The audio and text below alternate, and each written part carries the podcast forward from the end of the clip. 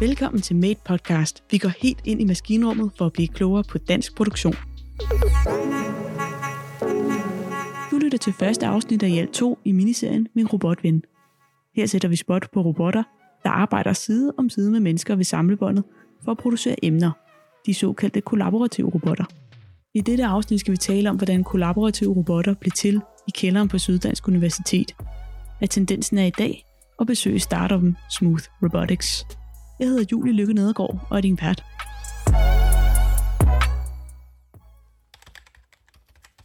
Året er 2005. Under jordoverfladen i kælderen på Syddansk Universitet i Odense er noget nyt ved at blive skabt.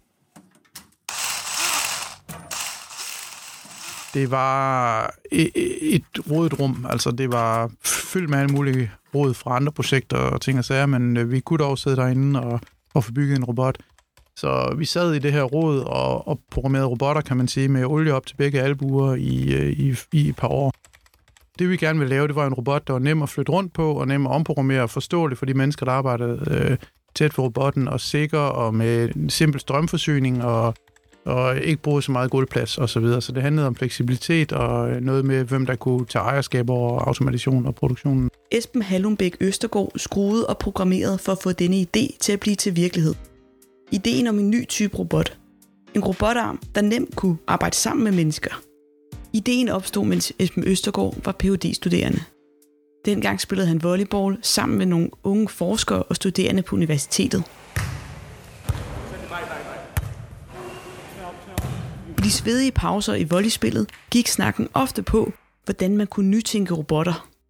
Vi var nok en otte mennesker cirka, der sad i nogle sofaer over på Mærsk Instituttet øh, og snakkede i pauserne om, hvordan robotter egentlig burde se ud, og hvordan de burde laves.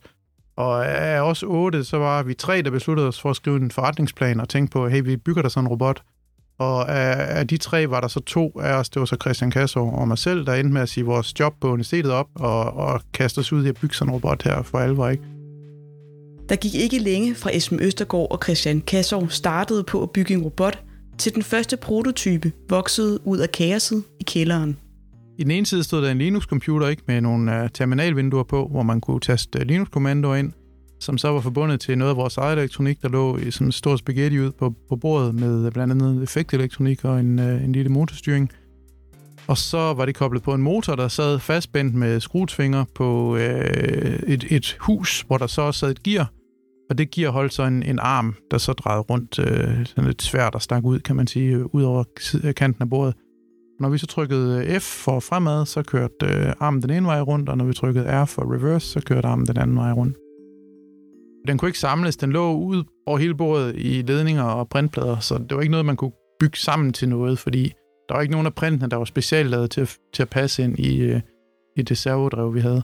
Så det var bare en, en, en stor gang spaghetti ud på et bord, øh, og så, som så dog, når jeg trykker på knappen på tastaturet, så kørte øh, den der rundt over i den anden side. Spaghettibunken med et simpelt roterende robotled for enden var den første version af det, vi i dag kender som en kollaborativ robot, eller en cobot. I dag har en typisk kollaborativ robot seks led i alt. Vejen derhen var ikke helt nem. Vi havde en meget aggressiv strategi, altså vi havde sådan en, det, der hedder en vertikal prototypestrategi, så vi øh, en måned efter vi stiftede virksomheden, ville vi have en enakset robot. Det var robotten med det roterende led, vi netop har hørt om. Og så øh, tre måneder efter ville vi have en treakset robot. Og det lykkedes os også at få den øh, til at, at, at køre med, med tre led, der sidder i serie, og, og vi kunne styre det for vores software. Og så efter seks måneder ville vi have en seksakset robot. Prototypen med seks akser var særlig vigtig. Den skulle sikre den fremadrettede finansiering af robotprojektet. Dommen om robotdrømmen kunne leve videre, faldt en tirsdag morgen kl. 10. Så vi arbejdede hele natten mandag øh, for at få robotten bygget, og klokken 5 om morgenen, der faldt øh, robotten på gulvet, mens vi holdt en lille pause. Og det var, så var der fem, fem timer til bestyrelsesmødet, øh, hvor øh, der skulle tages en beslutning, om vi skulle fortsætte eller ej. Og det var lidt, øh, lidt bittert at se den her robot ligge i mange stykker ned på gulvet. Øh, men vi, vi begyndte simpelthen at, at rette øh, metalstumperne ud, øh, bøje dem tilbage igen, dem der var blevet bøjet, og forsøge at få printpladerne lavet sammen øh, der, hvor de var knækket. Og det lykkedes os egentlig at få robotten op at køre igen efter, kan man sige, fem ekstra hårde timer, som så kom oven i den her lange nat, hvor vi arbejdede til klokken 5 om morgenen. Og det endte med at blive en femakset robot på grund af nogle øh, forskellige øh, tekniske problemer og nogle stumper, der ikke helt var, som vi gerne ville have, så vi kunne skrave det sammen til at være en femakset robot. Øh, og vi fik lov til at fortsætte vores projekt øh, på det møde. Så det var, det var en af de øh, virkelig hårde øh, punkter i virksomhedens historie, hvor det lige så nemt kunne være gået, øh, gået helt øh, i stå der. Og det var godt, det gik i stå, for behovet var tydeligt, hvis man spørger professor i robotteknologi Henrik Gordon Petersen. Der var jo et, et tydeligt behov for, at, øh, at det skulle være nemmere at programmere robotter, øh, og at de skulle kunne stå uden afskærmning. Altså, der, de traditionelle robotter, som der var dengang, de, øh, de var jo alle sammen hegnet ind, og de var alle sammen krævede nærmest en ingeniør program, øh, til at programmere dem. Henrik Gordon Petersen har arbejdet med robotteknologi i over 25 år, og sad tilbage i 2005 et par etager over Esben Østergaard og Christian Kassors hovedet robotprojekt. Et projekt, der i dag går under navnet Universal Robots. Jamen, jeg var jo involveret i en del ting omkring Universal Robots allerede dengang, der vidste det bare ikke, det hed kollaborative robotter endnu. Henrik Gordon Petersen hjalp særligt Universal Robots makkerparet med matematikken bag robotten. Ifølge ham havde flere opdaget et behov for en ny type robot. Vi var mange, der syntes allerede for lang tid siden, at øh, det var trist, at robotter skulle være indhegnet, og at de skulle være så svære at programmere. Og man kan sige, at når man snakker om kollaborative robotter, så er det præcis de to aspekter, øh, at, at der er inde. Der er dels det, at øh, robotten ligesom interagerer mere med, med mennesker, måske virker som et, nærmest som et værktøj for mennesker. Øh, og så er der det andet, det er det selve den, det programmeringsinterface, der er, også skal være kollaborativt forstået på den måde, at en almindelig operatør skal kunne programmere og omprogrammere robotten. På trods af, at behovet altså var der, var der ingen, som havde prøvet at bygge en kommersiel robot til at opfylde det de store robotproducenter, de var ikke opmærksomme på det her mærkeligt nok, øh, og, og øh, kom jo langt senere. Øh, de har jo også, øh, de fleste af dem indført, har en, i deres portefølje af robotter også, hvad de kalder kollaborative robotter nu. Men, de, men det er meget, meget sent, og lang tid efter Universal startede, at de ligesom også øh, gik ind i det. Selvom det senere skulle vise sig at være en milliardforretning, var det ikke helt nemt for Esben Østergaard og Christian Kassov at skrabe penge ind til deres daværende kælderprojekt. Det var faktisk ret svært at overbevise folk om, at øh, sådan øh, nogle unge fyre fra Odense kunne lave en robot, der var bedre end alle de andre robotter i verden lige på det tidspunkt. Øh, der var ikke rigtig nogen, der troede på det, så det var, det var lidt op ad bakke at skaffe øh, penge. Så der var på et tidspunkt, vi havde øh, 20.000 kroner tilbage på kontoen, og vi kunne ikke se, hvordan vi skulle klare det. Men da min, øh, min medstifter Christian, der han brugte de sidste 20.000 på, på at købe en stor rulle kover, fordi øh, den eneste chance, vi havde, det var at begynde selv at vikle motorer. Fordi vi kunne ikke få dem produceret for de 20.000, så der var planen, at vi selv skulle sidde og vikle vores egen motor ud fra det kår, vi havde råd til at købe, i stedet for... Men det var vores sidste 20.000, der røg der, så det, det var også sådan lidt en, en desperat øh, vej fremad. Øh, og der, der endte det med, at vi kørte seks måneder helt uden løn, så det, det er jo ikke en særlig holdbar situation, kan man sige, på den lange bane. Men altså omvendt, vi troede begge to på produktet. Altså vi vidste, vi havde det rigtige produkt. Vi havde haft den ude og køre øh, ved nogle testkunder, og vi kunne se, at robotten den kunne det, som de andre robotter ikke kan, nemlig den er nem at stille op, nem at sætte i gang, øh, fleksibel og alle de her ting. Så vi vidste egentlig, at vi havde gang i noget rigtig godt. Vi vidste bare også, at vi ikke havde flere penge overhovedet. Efter omkring tre år på et meget stramt budget, kom Universal Robots efter det. Med raketfart ja, man kan sige, lykkeligvis så lykkedes det også at få den her kommersielle traction i 2008 og 2009, og øh, de år, der fulgte efter det, der var det øh, en meget stejl øh, vækstkurve, vi havde, hvor vi voksede med flere hundrede procent om året hver eneste år, mange år i træk. Øh, faktisk måske 7-8 år i træk, øh, indtil vi jo øh, nåede en omsætning på over en milliard øh, i øh, 2017. Selvom kollaborative robotter nu sælges kommercielt og er en kæmpe succes, har vi ifølge Henrik Gordon Petersen kun lige græsset i overfladen af mulighederne. De seneste rapporter, der de viser jo, at behovet er meget stort, og vi har slet, slet ikke udfoldet øh, det behov, der er for, for kollaborative robotter endnu. Hvad, hvor stort er behovet da? Og hvor meget har vi udfyldt indtil nu? Et par procent måske af, af, af de muligheder, der er. Det er sikkert på det niveau, vi ligger. Du lytter til Made Podcast. Fra den rodede spaghetti-bunke med et roterende robotled i 2005, spoler vi nu 15 år frem i tiden. Hvad kan en kollaborativ robot i dag? Ja, så, så griber den så et emne. De samarbejdende robotarme har i dag bredt sig langt ud i industrien. Det er så også en kollaborativ griber, og det betyder, at den kan arbejde sammen med mennesker. Vi er på Teknologisk Institut i Odense, sammen med faglig leder af Center for Robotteknologi, Søren Peter Johansen. Vi har sådan øh, afsat en hel hal til at teste kollaborative robotter og applikationer, man kan øh, lave med kollaborative robotter. Hallen, vi står i, er fyldt med robotarme. De er i gang med at lime, flytte på ting, skrue, alt muligt. Hvad er det, den har gang i? Ja, det er en anden type kollaborativ robot, som øh, faktisk øh, har sådan et kamera på enden, så den bedre kan lokalisere det, de emner, som den skal. Årsagen til, at den kollaborative robot er blevet så populær, skyldes en helt særlig tendens, hvis man spørger Søren Peter Johansen. Robotter er jo sådan blevet introduceret til verden for, det er sådan en øh, 40-50 år siden. Øh, så de er jo efterhånden lidt gamle. Men, men det, der sker nu, den trend, vi har nu, det er, at de bliver mere og mere forfinede, de kan mere og mere, de kommer tættere og tættere på mennesker. Fordi der er ved at blive udviklet sådan nogle teknologier, der gør, at de kan mærke, når de kører ind i noget, og nogen kan faktisk mærke, inden de kører ind i for eksempel mennesker, så de kan nå at stoppe, så der ikke er nogen, der kommer til skade øh, af robotterne. Tidligere var det mindre vigtigt, om en robot kunne skade mennesker. Den arbejdede nemlig helt alene, man kan sige, hvis vi går lidt tilbage i tiden, så har robotterne typisk øh, overtaget sådan hele produktionslinjer. Jeg forestiller dig, at de små komponenter, der sidder i din smartphone, det er sådan nogle, som er 2 gange 2 mm, og så sidder der 100 ben på undersiden af den. Det vil være fuldstændig umuligt for os mennesker at montere dem rigtigt på en printplade. Så ja, vi kunne nok montere den, men vi kan ikke få telefonen til at virke bagefter. Så. Og det er sådan nogle øh, funktioner, som robotterne også er gode til. Den der meget nøjagtige håndtering. Og når de skal sidde og lave det, så kan vi mennesker, vi skal helst ikke blande os, og så kan robotterne arbejde hurtigt, og derfor så kan de spytte en masse færdige telefoner ud hurtigt. Lige så snart at vi bliver en del af processen, så behøver robotterne ikke at arbejde så hurtigt, og så er det, at øh, vi kan arbejde sammen med dem, fordi det er mere sikkert at arbejde med nogen, som arbejder langsomt.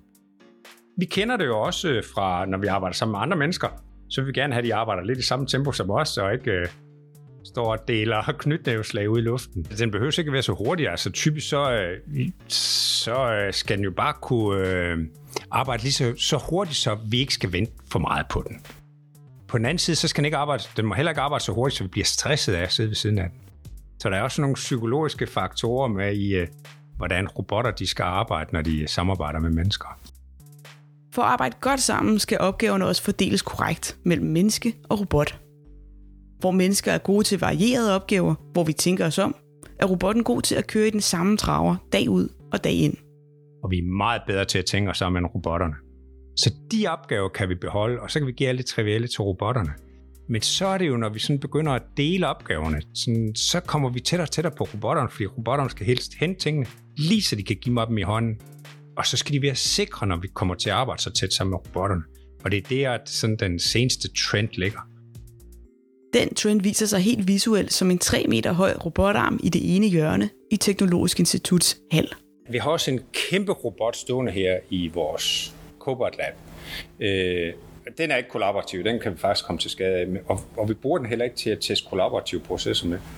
Og dog, vi bruger den faktisk til at holde sådan et testfikstur her. Vi har sådan en, øh, en, et, et testapparat, der kan teste, hvor hårdt robotter trykker Ja, og det er sådan en plade, kan jeg se, en firkantet plade, ja, og... som der er på sådan en stempel, kan man næsten kalde det. Ja, det er sådan en, en plade, og inde bag ved pladen, der sidder der en fjeder, og den kan vi skifte ud, sådan svar til vores overarm, eller vores mave, eller vores ben, øh, så vi kan sådan simulere, hvad der vil ske, hvis en robot kører ind i den her fjeder her der, der laves noget lovgivning for det, og nogle standarder, og dem kan vi måle her.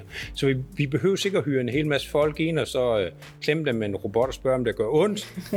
vi kan bare gøre det på det her måleapparat. Så kan vi sætte de der forskellige fjeder i. Vi har faktisk også noget hud, vi kan sætte på den. Eller ikke hud, men noget, der simulerer hud, fordi vi har også forskellige tykkelse hud. Så når vi bliver ramt af for eksempel en robot, så, så bliver den kraft, den bliver fordelt over et forskelligt areal, sådan afhængig af, hvor det er henne på kroppen. Så det kan vi også simulere her. Når vi sikkert arbejder sammen, kan robotten overtage mange opgaver. For virksomheder handler det ofte om at få ideen til hvilke opgaver. De skal kigge efter, hvad der, hvad, hvor er der nogle trælse processer henne. Så skal de kigge efter nogle opfindsomme mennesker. Og, øhm, og man kan sige, øh, de opfindsomme mennesker kunne faktisk godt øh, være i nærheden. Det kunne sagtens være operatører, sådan noget, som går og sysler lidt med små idéer til, hvordan deres hverdag kunne blive nemmere. Hvis man vil vide, øh, hvor meget innovationskraft der findes i en virksomhed, altså det kan man forholdsvis hurtigt få at vide, øh, det er at spørge, hvor mange medarbejdere er i. Fordi sådan, uh, innovationskraften er sådan cirka proportional med antallet af menneskehjerner. Og så skal man selvfølgelig have et miljø, og man skal have en ledelsesstruktur, som tillader, at når folk de ser, der er noget tosset et eller andet sted, eller de får en god idé, at det må i talsættes, og der er nogen, der lytter. Og det tror jeg, vi også har en fordel af i Danmark, fordi vi har meget lav ledelsesstruktur. I Teknologisk Instituts Cobot Lab vælter det frem med nye typer af kollaborative robotter. Spørger man Søren Peter Johansen, er det ofte de nye idéer frem for de nye teknologier, der baner vejen for, at de bliver til. Ja, altså ofte så findes teknologierne i forvejen, øh, men det er kombinationen. Det er sådan lidt samme historie som da iPhone blev opfundet. Vi havde telefoner, vi havde touchskærme, vi havde browser, men det der med ligesom at få fusioneret ned i, i, i et, et apparat, det er ligesom det, der er det nye. Nutidens kollaborative robotter kan spredes langt bredere ud i dansk industri. Samtidig fortsætter udviklingen, og vores robotvenner får flere og flere evner. Til at begynde med var det, var, har det meget været øh, en bevægelse pick and place, som vi siger, fra et punkt til et andet, hvor man samler noget op og placerer et andet sted, for eksempel, øh, hvor, det, hvor man nemt kunne øh, programmere sådan nogle bevægelser. Og gradvist så, så er det så mere og mere komplicerede ting, som øh, kollaborative robotter skal kunne lave. På Syddansk Universitet forsker Henrik Gordon Petersen og hans kollegaer i, hvordan man kan hjælpe robotter med at lære at lave mere komplicerede ting på fabrikken. Det, som øh, man nemt kunne gøre med, med Universal øh, Robots, det var, øh, det var simpelthen for eksempel den der pick-and-place-bevægelse, fordi du simpelthen du faktisk træk robotten rundt, og så vise den, og så havde du et brugerinterface til at gemme bevægelsen. Og så når du gjorde det, så kunne hvem som helst mere eller mindre gøre, ja, så kørte robotten bare den bevægelse, så kunne den køre den igen og igen. Det vil sige, du kunne vise robotten, hvad den skulle gøre. Og så, øh, så kan det gøres mere og mere kompliceret. Øh, du kan lave nogle bedre metoder til at, at lave den der visning. Øh, men der er også øh, sådan nogle, nogle øh, opgaver, som er mere komplekse, som for eksempel overfladebehandling og svejsning og øh, komplicerede samleprocesser, hvor ting øh, skal fitte meget tæt og sådan nogle ting. Der er der stadigvæk øh, plads til forskning og udvikling for også at gøre de ting nemmere at programmere. Nogen, der har kastet sig ud i det, er startupen Smooth Robotics.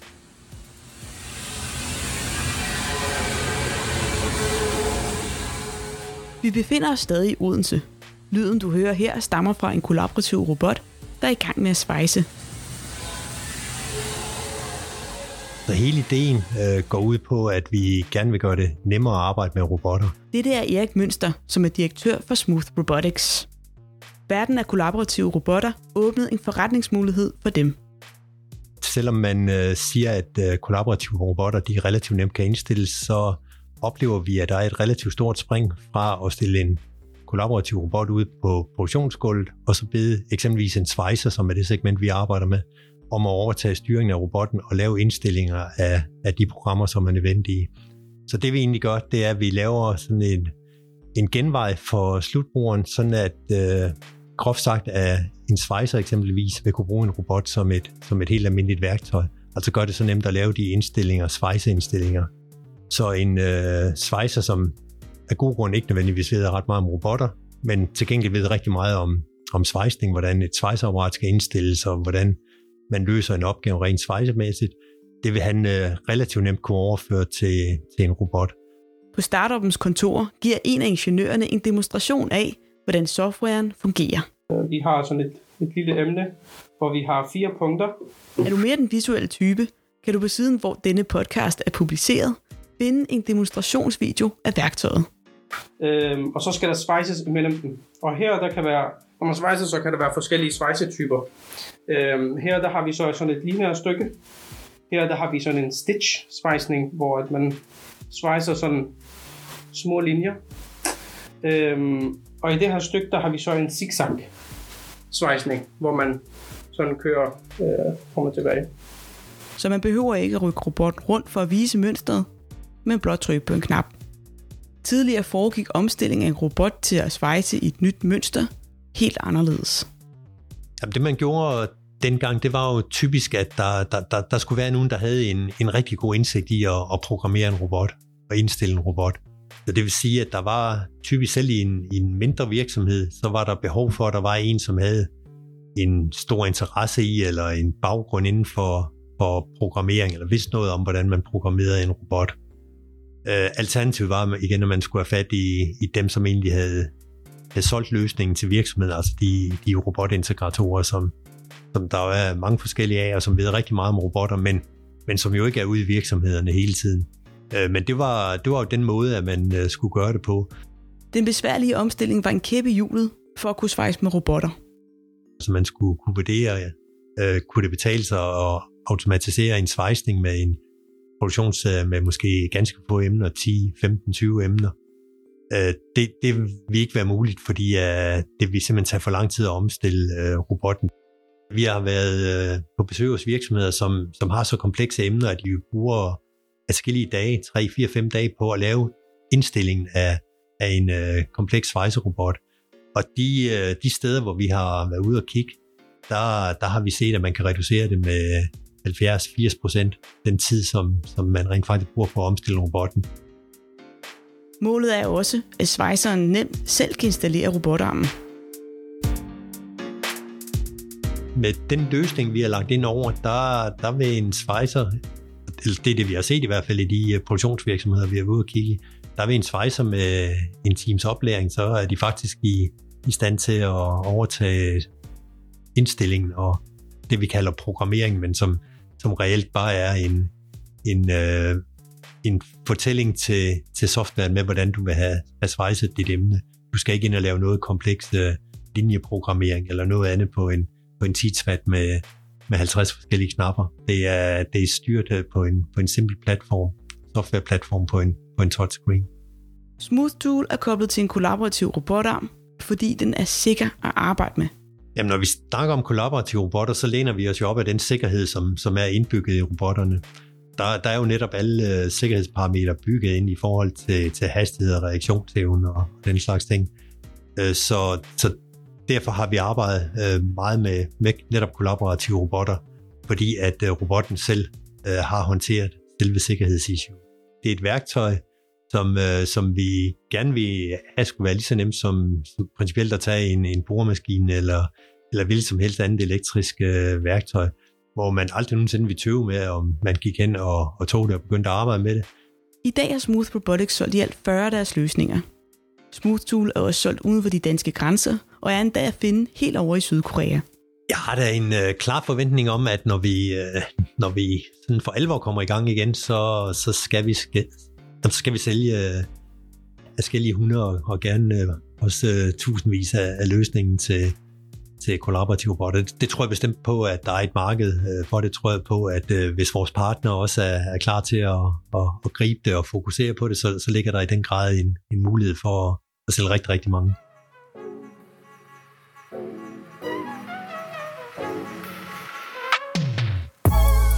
Tak fordi du lyttede til Made Podcast, min robotven.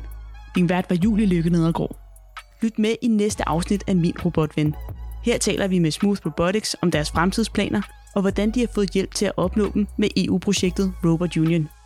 Derudover bliver vi klogere på fremtidens kollaborative robot sammen med vores eksperter Henrik Gordon Petersen, Esben Østergaard og Søren Peter Johansen. Du finder flere med et podcast om produktion i Danmark på Spotify, iTunes og på vores hjemmeside made.dk.